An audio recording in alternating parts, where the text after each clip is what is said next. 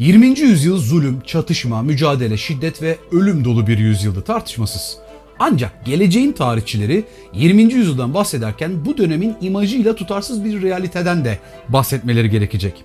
Çünkü bu yüzyıl tarihte eşi benzeri görülmemiş bir fenomene de tanık oldu. Dünya çapında insanoğlunun yaşam süresi beklentisi iki katına çıktı. 1800'lerin sonuna kadar elinin altında olan bu beklenti 21. yüzyıl başlamadan daha dünyanın birçok yerinde 85'in üzerindeydi. Nasıl oldu diye sorulduğunda tıpta ilerleme, çocuk ölümlerinin azalması ve beslenme imkanları diye kestirip atılıyor. Bense bu videoda size aslında birçok kahramanı olan bu hikayenin bu kadar basit ve kestirme yaşanmadığını, gerçeğin biraz daha derin ve karmaşık ama daha büyüleyici olduğunu göstereceğim. Bu amaçla da 6 kısa hikaye anlatacağım. Aristokrat bir kadının yazdığı mektuplardan bir süpermarket kavununa, vizyoner olduğu kadar vicdanlı olan bir patronun verdiği karardan kuş pisliğine beklenmedik şeylerin nasıl dünyayı değiştirecek kelebek etkileri yarattığını göreceksiniz. Hikayelerin ucu bazen Türkiye'ye, bazen Nazilere uzanacak. Hadi benimle gelin. İlk hikayemiz gündemle en yakından ilişkili olanı. Aşılar. Aşılama dünyayı değiştiren bir fikirdi ama tamamen emsalsiz bir fikir değildi. Hepimiz hikayelerde kahramanın yaşadığı "Aha buldum" anını severiz. Bir dehanın bir şeyden ilham alıp zihinsel bir açmazı aşması tatmin edici bir duygudur elbette. İnsan türü olarak hepimizi gururlandıran adeta tiyatral bir an. Ancak dünyayı sarsan ve değiştiren fikirler her zaman öyle yere bir elma düşmesiyle veya küvette suyun taşmasıyla olmaz. Bir fikrin ve uygulamasının gelişmesi, olgunlaşması bundan daha karmaşıktır aşı uygulamasının ilk kez nasıl icat edildiğini duymuş olabilirsiniz. Edward Jenner adlı bir taşra doktoru sütçü kızların çiçek hastalığı denilen ölümcül hastalığa diğer insanlardan çok daha az yakalandığını fark etti. Bunun nedeni hastalığın benzer ama çok daha az tehlikeli bir versiyonuna hali hazırda maruz kalmış olmaları ve bağışıklık kazanmış olmalarıydı. O hastalık sığır çiçeği hastalığıydı. Jenner bu olasılığı düşündü ve bir çocuğa kasıtlı olarak sığır çiçeği hastalığını bulaştırmaya karar verdi. Çocuk biraz ateşlendi ama çiçek hastalığına karşı bir ömür boyu da bağışıklık kazanmış oldu. İşte bu bize anlatılan ilk aşı. Kulağa da yeterince basit geliyor. Öyle değil mi? Bu hikaye bu kadar basit değil. Jenner da o kadar yaratıcı değil. Jenner'a o olasılığı düşündürten bir takım öncelleri bilmezsek gerçekleri ve başka çabaları yok saymış oluruz. Antik Yunan tarihçisi Thucydides M.Ö. 429 yılında Atina'da çiçek hastalığı geçiren kişilerin tekrar aynı hastalığa yakalanmadığını gözlemleyen ilk kişiydi ve bunu da yazılarında kaydetti. Aşı benzeri bir uygulamadan o dönemde elbette bahsedilmiyor. Ancak aşılamaya benzer bir süreç Jenner'ın ilk deneyiyle başlamadı. Çünkü zaten Asya'da yaklaşık bin yıldır uygulanıyordu. Bu işleme varyolasyon dendi. Aşı ile arasındaki fark şu. Aşılama bağışıklığı geliştirmek için hastalığın daha az zararlı hatta neredeyse tamamen zararsız bir versiyonundan yararlanıyor. Varyolasyon ise insanlara gerçek virüsün canlı birimlerini kasıtlı olarak bulaştırma anlamına geliyor. Bu yöntemlerden bazıları günümüze kıyasla oldukça alışılmışın dışında şeylerdi. Örneğin Çin'de çiçek hastalığıyla mücadele eden doktorlar iyileşmekte olan hastalardan aldıkları deri kabuklarını toz haline getirip sağlam veya hasta olan insanların burunlarına ince bir boru yoluyla üflüyorlardı. Garip gelse de prensibi sağlam. İnsanları az miktarda antijene maruz bıraktığınızda vücutlarını antikor üretmeye teşvik edersiniz ve bu da insanları gelecekte maruz kalacakları hastalığa karşı güçlendirir. Basit ve etkili. Yöntem Çin'den Orta Asya'ya yayılıp Kafkaslara geçti. Türkler tarafından da kullanıldı. Batıya da bizden yani Türklerden geçti. Hikayesi de şöyle. Osmanlı'da bulunan İngiltere Büyükelçisi'nin eşi Lady Mary Montagu 1717 yılında İstanbul'da varyolasyon yönteminin uygulanışına tanık oldu. Montagu Osmanlı'da görüp tecrübe ettiklerini mektuplar halinde İngiltere'deki yakınlarına yazıyordu. Tanışıklığı olduğu Papa'ya da benzer şekilde çok sayıda böyle mektup yazdı. Bu mektupların içeriği tarihçiler ve sosyologlar tarafından büyük bir hazine olarak değerlendiriliyor. Çünkü döneme, bölgeye ve oradaki yaşama dair çok detaylı tasvirler içeriyor. Günümüzde Letters from Turkey başlığı altında incelenen ve dört farklı kişinin kaleme aldıkları dönemsel aktarımlar ve notlardan oluşan bu tarihsel hazinenin belki de en önemli ismi Lady Montagu'ydi. Montagu kendi kardeşini 1713 yılında çiçek hastalığı nedeniyle kaybetmiş. Kendisi de 1715'te bu hastalığı geçirip atlatmış ancak yüzünde yaralar izler kalmıştı. İşte bu nedenle Montagu 1718'de varyolasyonu kendi çocuklarına uygulatmaya karar verdi. Küçük oğlu ve kızı bu şekilde aşılanmış muhtemelen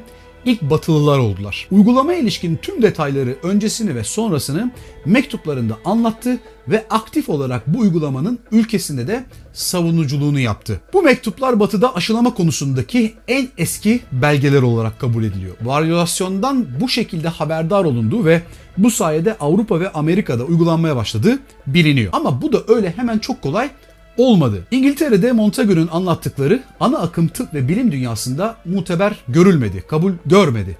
Aksine güçlü bir dirençle karşılaştı.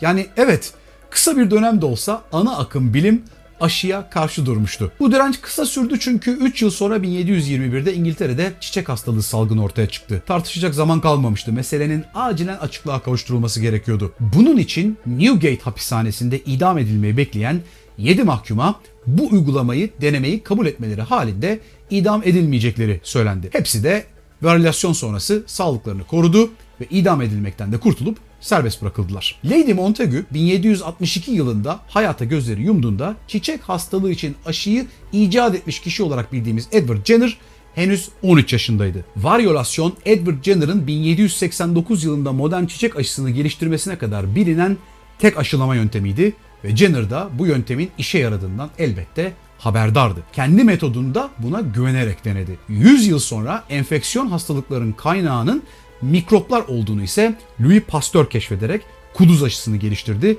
ve Jenner ile birlikte insan ömrünü uzatan en önemli adımlardan birini atmış oldu. Bunu takip eden 10 yıllarda onlarca başka ölümcül hastalık aynı şekilde aşılarla kontrol altına alındı. 1892'de kolera ve 1896'da tifo aşıları geliştirildi. 1921'de tüberküloz yani verem aşısı, 1927'de de tetanoz aşısı geldi. Difteri, boğmaca, kızamık, kaba kulak, menenjit tüm bunlar aşıyla kontrol altına alınmış olan hastalıklardan sadece bazıları. Bugün hala aşılar sayesinde her yıl en az 10 milyon kişinin hayatta kaldığı hesaplanıyor ve bu nedenle aşılar dünyada sağlık alanındaki tüm gelişmelerin toplamından daha fazla yaşam kurtarıyor. Bu konuda önemli miktarda şüphecilik bugün dahi söz konusu ve konuya böyle girince yapılan tüm itirazlar yersizmiş gibi gelebilir. Ancak şüphelerin ve itirazların tamamı anlamsız değil. Evet kategorik olarak aşıya karşı olmak diye bir şey olmaz. Böyle düşünüyorsanız bundan vazgeçmenizi öneririm. Büyük bir hata içindesiniz. Aşı bir yöntemdir, üstelik işe yaradığı tartışılmaz bir yöntemdir. Ancak itirazlarınızı bazı meşru temellere dayandırarak geliştirme ve uygulama yöntemleri konusunda sürekli daha iyi talep edebilirsiniz. Bunda bir yanlışlık yok ve ben de bazı bakımlardan daha iyisinin olabileceğini düşünenlerdenim. Ne talep edilebilir mesela? Hayvan kullanılmayan yöntemler geliştirelim denilebilir. Yeni bir aşının uzun vade etkilerine dair yeterli veri oluşmamışken tedbirli yaklaşmayı dileyenlerin pozisyonları anlaşılabilir. Tedirginlikleri normal karşılanabilir. Bunu aşmak için tüm sürecin her seviyede daha şeffaf olması istenebilir. İlaç şirketlerinin dünyanın gelişmiş bölgelerinde artık tamamen iradike olmuş hastalıklara dair artık ihtiyaç duyulmayan aşıları satmaya devam edebilmek için hükümetlere bunu almak istiyorsan bunu da alacaksın şeklinde bundle yapmalarına ve kokteyl aşı satmalarına itiraz edilebilir. Bu işin ekonomik tarafını, siyasi ve lobi taraflarını hiç sorgulamadan bilim tapınmacılığı yapmak da farklı türde bir bağnazlığa neden olur. Nitekim ilaç sektörünün tarihi çok sayıda katakulli ile dolu. Bilim de dahil hangi alan olursa olsun %100 itimat ile yola çıkarsanız bunda kullanacak birileri mutlaka olur. İstatistiklerle yalan söylemek mümkündür. Fonlanan çalışmalarla metodolojideki eksikliklere veya hatalara dikkat çekmeyen haberlere konu olmak, bu şekilde kamuoyunu yanıltmak mümkündür. Bir şeyi bilimselmiş gibi göstermenin yolları vardır. Yine de tüm bunlar bilimsel metodu ve sonuçları üzerinde geniş konsensus sağlanmış şeylerde bile ölümüne şüphecilik yapmanız gerektiği anlamına gelmez. Aşı konusunda bu kadar kavga etmek yerine makul ve sağduyulu olan adımı atmak en doğrusu. Örneğin Covid-19 aşıları ile ilgili çekinceleriniz vardıysa bile görebilmelisiniz ki hala hazırda milyarlarca kişi üzerinde test edilmiş oldu. Aşı olmanın size ve çevrenize sağlayacağı faydaları doğru şekilde tartın ve kendini kanıtlamış gerçek uzmanların sözüne ehemmiyet verin. İkinci hikayemiz sağlık pınarı olduğunu düşündüğünüz sütle ilgili. 19. yüzyıla baktığımızda insan sağlığını hayvan sütünden daha çok tehdit eden bir madde hayal etmek zor. İnanmakta güçlük çekebilirsiniz ancak sütü güvenli hale getirmek hiç kolay olmadı. Sütü kafamızda bebekler, çocukluk, sabah kahvaltısı veya yatmadan önce kurabiyeler ile falan ilişkilendiriyoruz. Yani tehlikeyi akla getiren kavramlarla değil aksine güven ve huzur dolu anılarla. Oysa kendi biyolojik türünüze ait olmayan her süt ciddi risk içerir. New York şehir kayıtlarına göre 1840'larda bebeklerde ve küçük çocuklarda meydana gelen tüm ölümlerin %50'sinden fazlası süt kaynaklıydı. Burada kolera kısmen rol oynasa da esas katilin kontamine sütler olduğu sonradan ortaya çıkmış. Hala birçok insan Amerika Birleşik Devletleri'nin 12. başkanı Zachary Taylor'ı kontamine olmuş bir bardak sütün öldürdüğünü düşünüyor. Peki gıda diye içilen süt neden bir zamanlar bu kadar tehlikeliydi ve neden artık değil? Her şeyden önce şunu söylememe izin verin. İnek sütü hala sandığınız kadar yararlı değil. Ama bu başka bir videonun konusu. O dönem zararlı olmasının altında yatan en önemli neden üretim lojistiğiydi. Bir defa ineklerin müşterilere çok yakın yerlerde tutulması gerekiyordu. Neden? Çünkü çiftçiler nakliye sırasında çok fazla sütün bozulacağını biliyorlardı. Çoğu zaman buldukları çözüm sığırları sıkışık şehir mahallelerindeki ahırlarda tutmak oldu. Burada inekleri içki fabrikalarından arta kalan sağlıksız tahıl püresiyle beslediler. Zamanla bu diyet ineklerde hastalıklara neden oldu. Derilerinde ülserli yaralar çıktı, kuyrukları iltihaplanıp düştü. Ama yine de bunlardan habersiz olan müşterilere açık pazarda satılmaya devam edildi. Onlarca yıl boyunca çocukların ve yetişkinlerin sağlığını mahvettikten sonra nihayet Brooklyn'li bir araştırmacı gazeteci olan Frank Leslie durumu ortaya çıkardı ve yaptığı haber kamuoyu oluşturdu. Bu da sektörü reformlar yapmaya zorladı. Ne var ki süt içmek öyle bir gecede güvenli hale gelmedi. Süt ürünleri de dahil olmak üzere çeşitli gıda maddelerinde hastalıklara neden olan mikroplar çok kolay yayıldığı için ürünler bozulmaya ve o şekilde tüketilmeye devam edildi. Bildiğiniz gibi bu mikropların yayılmasını durdurmanın tek yolu var. Pastörizasyon. Bu işlemin adı da yüksek sıcaklıkların bakterileri öldürebileceğini anlayan Fransız bilim insanı Louis Pasteur'den geliyor. Ancak Pasteur bunu anladı ve ilan etti diye her şey değişmedi. Bu yöntem bulunduktan sonra bile neredeyse 50 yıl daha ABD başta olmak üzere dünyanın pek çok yerinde pastörizasyon uygulanmadı. Üretime maliyet ekliyordu her şeyden önce. Bir şeyi ısıtmak maliyetlidir. Süt üreticileri 20. yüzyılın başlarına kadar pastörizasyona direndi. ABD'de zorunlu düzenlemeler yapılınca ancak değişmeye mecbur kaldılar. Batı'da standartlar değişince tüm dünyada da değişti. Gördüğünüz gibi bize en yararı olacak konularda en iyi fikirlerin bile yorulmak bilmeyen savunuculara ihtiyacı vardır. İnsan ömrünü uzatan kritik gelişmelerden biri de ilaç şirketlerinin doğru şekilde denetlenmeye başlamasıydı. Tıbbı güvenli ve etkili kılmak için katı düzenlemeler gerekiyordu. Sıradaki hikayemiz bunun nasıl başladığıyla ilgili. Bugünlerde FDA onaylı, EMA onaylı gibi ifadelere aşinayız ama durum hep böyle değildi. Hatta bu durum çok yeni. Bugün FDA yani Amerikan Gıda ve İlaç Dairesi geniş yetkilere ve büyük sorumluluklara sahip devasa bütçeli bir kurumsa ve tüm dünya bir ilacı kullanmadan önce FDA onayı olup olmadığına bakıyorsa bunun arkasında bir hikaye var elbette. 1960'lara kadar FDA yetkileri son derece zayıf bir oluşumdu. Fakat 1960 yılında FDA'de çalışmaya başlayan Frances Oldham Kelsey isimli bir kadın sağlık çalışanı tüm bunları değiştirdi. O göreve başladığında tüm organizasyonun kadrosunda Kelsey dahil sadece 3 sağlık görevlisi vardı. Kelsey de diğer iki meslektaşı gibi güvenlik için yeni ilaçları araştırmakla görevlendirildi. Kelsey'in kariyerinde aldığı kararlar ilaç endüstrisinin geleceğini tamamen değiştirdi. O dönem FDA'in ilaçların güvenliğini test etmek için yalnızca 60 gün süresi vardı. Bu sürede olduğunda üreticiler ilaçlarını piyasaya sürmekte serbestti. FDA testleri zamanında tamamlayamadıysa bu üreticilerin problemi olamaz diye bakılıyordu. O kadar yatırım yapmış şirket zarar mı etsindi? Daha da şaşırtıcı olanı da şuydu. Üreticilerin ilaçlarının gerçekten iddia edilen şeye yaradığını kanıtlamaları bile gerekmiyordu. Yani bir ilacı aktif olarak zararlı olmadığı sürece yasal olarak piyasaya sürebiliyordunuz. Batı bu anlamda gerçekten biraz vahşi batıydı. Yani Doğuda denetimin bu kadarı bile yoktu tabii o ayrı ama söylemek istediğim gelişmiş medeniyet dediğimiz yer daha 60 sene öncesine kadar böyle işliyordu. Hani eski filmlerde ya da eskiyi anlatan dönem filmlerinde adamın biri sokakta bir tabura üzerine çıkar ve elindeki şeyi gösterip mucize ilaç gel vatandaş diye işporta satışı yapmaya başlar. Bildiniz mi o sahneleri? İnanan inanıyordu. İnsanlar risk alıyordu. İhtiyacı olanın başka çaresi yoktu. İşte Francis Oldham Kelsey de anksiyete, sabah bulantısı ve uyku sorunlarını tedavi etmek için kullanılan Contergan isimli ilacı gözden geçirmekle görevlendirildiğinde vaziyet aynen buydu. Daha çok hamileler tarafından kullanılan bu ilaç Batı Almanya'da bulunan Grünenthal firması tarafından 1957 yılında piyasaya sürülmüştü ve talidomit adlı bir aktif maddesi vardı. Reçetesiz satılan Contergan'ın prospektüsünde hamile kadınlar anne ve çocuklar tarafından güvenle kullanılabileceği yazıyordu. Dünya çapında satış yapan üreticinin kendi hazırladığı rapor Kelsey'in önüne geldiğinde ilaca ilişkin bilgilerin biraz muğlak ve zayıf olduğunu düşündü. Bu nedenle başvuruyu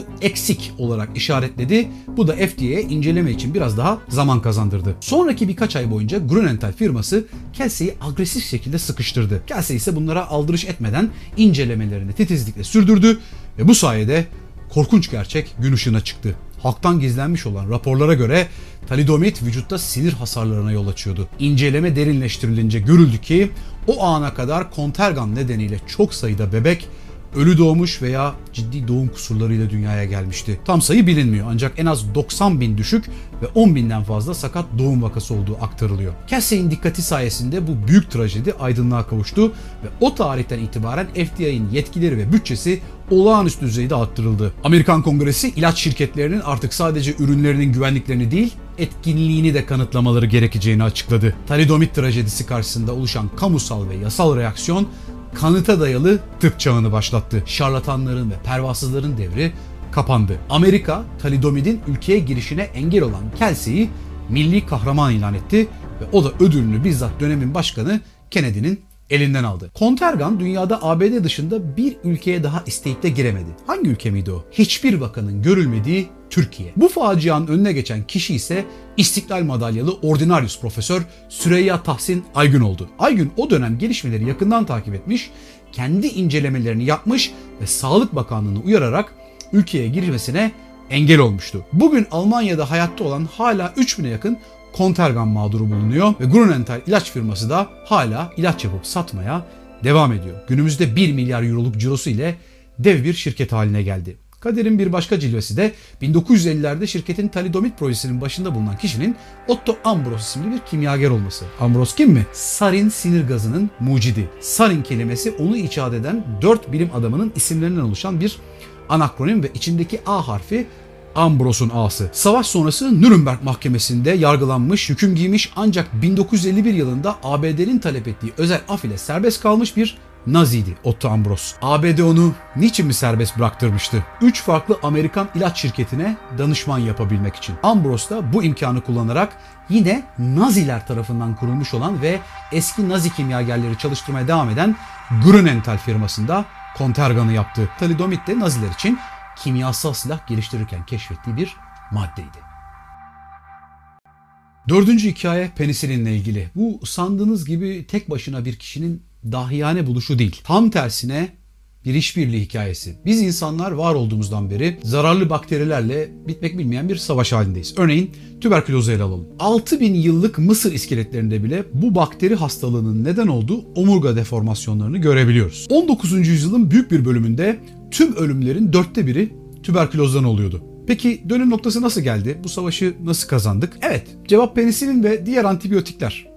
Meşhur olan hikaye ne? 1928'de Alexander Fleming adında bir İskoç bilim adamı açık bir pencerenin önüne içinde bakteri örneği olan bir petri kabı bıraktı. Geri döndüğünde bakterinin bulunduğu petri kabında garip bir küfün büyüdüğünü gördü ve küfün aslında bakterilerin çoğalmasını durdurduğunu anladı. Fleming'in keşfettiği şey penisilinin antibiyotik özelliğiydi. Ancak bugün antibiyotik kullanabiliyorsak bu hikayenin gerisini ve bunu mümkün kılan isimleri de bilmenin zamanıdır. Penisilinin asıl geliştirilme ve gerçek potansiyelinin ortaya çıkarılması Fleming'den ziyade Oxford'da iki bilim insanı sayesinde oldu. İlki Alman Yahudi ve bir mülteci olan Ernst Boris Chain ve diğeri de Avustralyalı Howard Florey. İlaca ilişkin ilk hayvan ve insan denemelerini yaptılar ve sonunda projeyi ABD'ye götürdüler. İkinci Dünya Savaşı tüm hızıyla devam ederken yetkililere bu yeni hayat kurtaran ilacın önemini anlattılar ve bu sayede ilgi ve destek görmesini sağladılar. Ancak tüm bu ilgi, alaka ve yatırımlara rağmen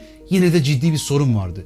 İşe yarayacak büyük ölçeklerde penisilin üretmek çok zordu, fizibil değildi. Burada devreye Mary Hunt isimli bir bakteriyolog girdi. Çok uzun uğraşlar ve çalışmalar sonrası küfleri daha verimli bir şekilde çoğaltabilmek için gerekli olan mükemmel küf formülünü buldu. Nasıl ve nerede mi? Süpermarketten aldığı çürüyen bir kavunda. Şu anda kullanılan hemen hemen her penisilin türü öyle veya böyle Mary'nin süpermarketten aldığı o kavunla ilintili. Onun doğru formu bulabilmek adına her yolu ve olasılığı denemesiyle ilgili. Bu bilim kadınının katkısı sayesinde o kadar çok hayat kurtuldu ki sayısını tahmin etmek bile mümkün değil. Ona daha sonra küflü Mary lakabı takıldı ama hiçbir zaman bu üç bilim insanından Fleming gibi bahsedilmedi.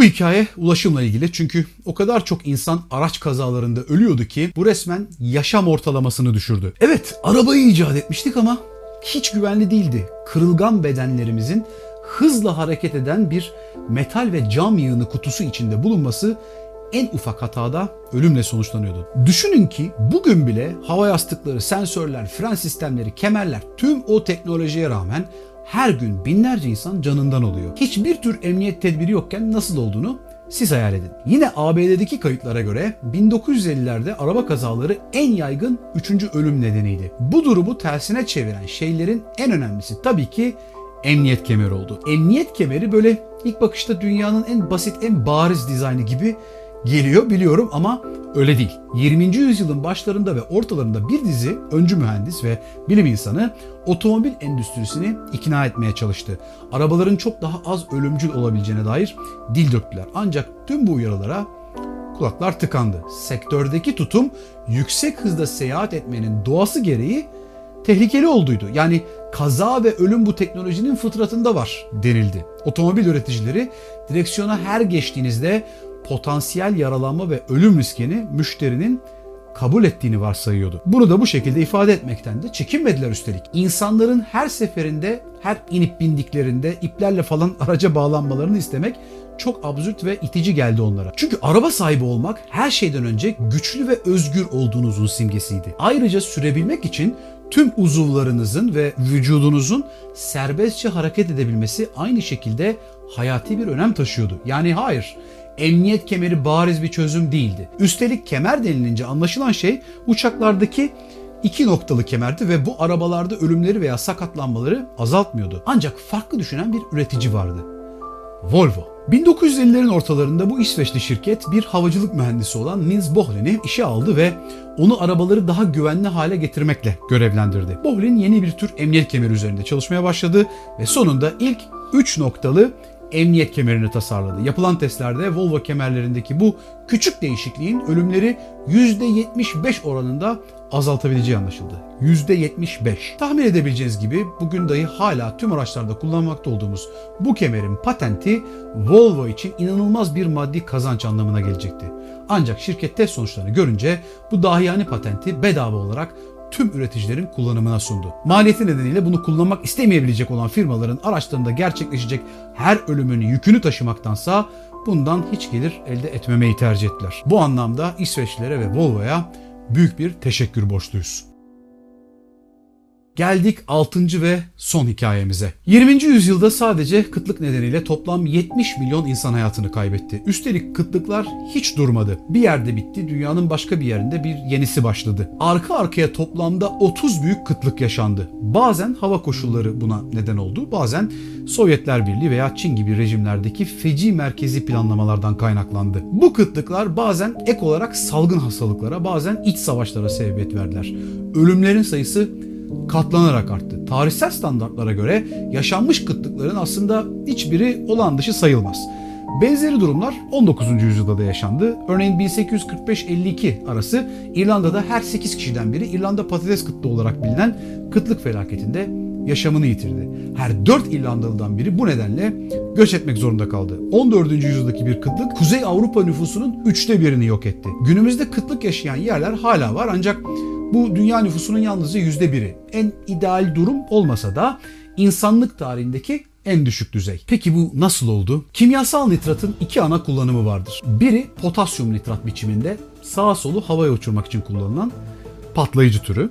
Diğeri ise amonyum nitrat formunda bir şeyleri yetiştirmek için kullanılan gübre türü. Patlayıcılarda kullanılan nitrat kuş ve yarasa dışkılarından elde ediliyordu. Ancak 20. yüzyıla girerken madenciliğin artması ve savaş yöntemlerinin değişmesi daha bol ve pratik bir kaynağın bulunması ihtiyacını doğurdu. 1908'de Alman kimya araştırmacısı Fritz Haber laboratuvarda nitratların nasıl sentezleneceğini keşfetti. Bu Prusya ordusu için bir nimetti tabii ama bu durum Haber'in aynı zamanda diğer tür nitratları da farklı biçimde sentezleyebileceği anlamına geliyordu. Bu nedenle Haber tarım arazilerini yenilemeye yardımcı olacak bir kimyasalı da yapmak için işe koyuldu. Ve bu şekilde önce Almanlar sonra da tüm insanlık suni gübre ile tanıştı. Bu çiftliklerin üretkenliğini öyle arttırdı ki kıtlık riski neredeyse tamamen ortadan kalktı. Ama açlığı sonlandıran sadece bu olmadı. 20. yüzyıl aynı zamanda endüstriyel hayvancılık olarak bilinen son derece tartışmalı bir uygulamanın da yükselişine tanık oldu. Ama o da adım adım geldi. Önce çiftçiler